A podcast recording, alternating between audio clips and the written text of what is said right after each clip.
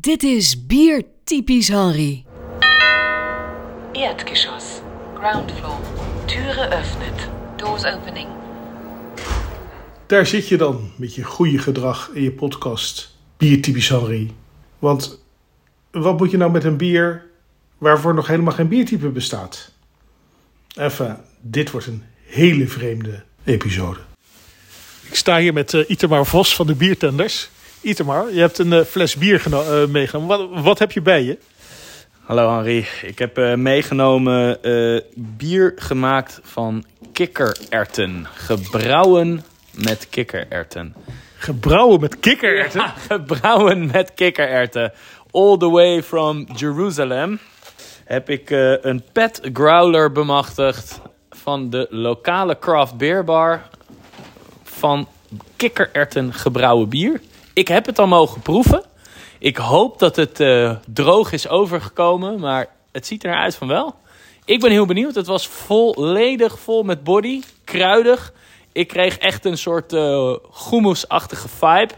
Aangezien dat natuurlijk van kikkererwten is gemaakt. Dus uh, we gaan het zien. Ik ben heel enthousiast om het aan jullie te laten proeven, want ik vond het erg lekker. Ik ben heel benieuwd. We gaan het proberen. Ja, en op zo'n moment zit er natuurlijk niks anders op dan te proeven. Dat doe ik natuurlijk niet alleen. Dat doe ik samen met Itemar, die het bier heeft meegenomen. En met Jume Kwee van de Stiebel. Bij dit uh, bijzondere bier uh, uh, zit ook Jume mee te proeven. Jume Kwee, biersommelier en planner van Stiebel. En bestuurslid van Craft. Jume, wat, wat vind jij in dit glas van dit kikkererwtenbier? Uh, je ruikt heel duidelijk het Turks brood uh, met hummus, inderdaad. Echt heel grappig. En de, de, de, de oregano, heel kruidig. Wat, ja. wat zei jij? De satar. Zatar, ja. Maar hij is wel uh, gorddroog. Echt achter in mijn tong. Ja, niks blijft hangen. Het is astringent droog, bitterachtig. Maar heel grappig. Nog nooit gehad. Nee, nee heel bizar. En Itamar, is dit uh, zoals jij hem ook in het café in uh, Jeruzalem uh, geproefd hebt? Nou, ik heb hem iets... hij had iets meer koolzuur, dus hij gaf mij iets meer body. Hij gaf meer vol, volle smaak. Hij is aardig overeind gebleven, dus ik, ik ben blij. Ik, ik zou zo wel een glas bestellen. Wat jij, Henri, zou jij een glas bestellen?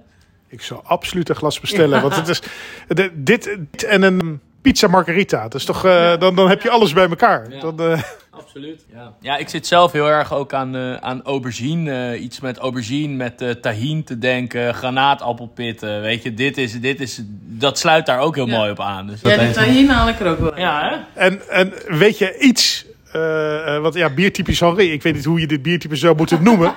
weet je iets van hoe de brouwer dit gemaakt heeft? Nee, die meneer die mij hielp, die stond in zijn eentje op uh, ongeveer 60, uh, 60 man. En toen ik hem vroeg van, goh, wil je een growler voor me afvullen? Toen zag ik de paniek in zijn ogen.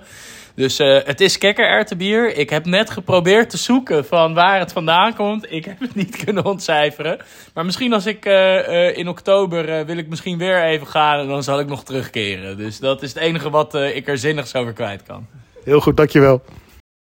Ja, tja. Dan zit er eigenlijk niks anders op dan te wachten tot oktober. Want uh, dat kikkererwtenbier, daar wil ik wel meer van weten eigenlijk. Het is natuurlijk glutenvrij, want kikkererwten zijn geen, uh, geen granen.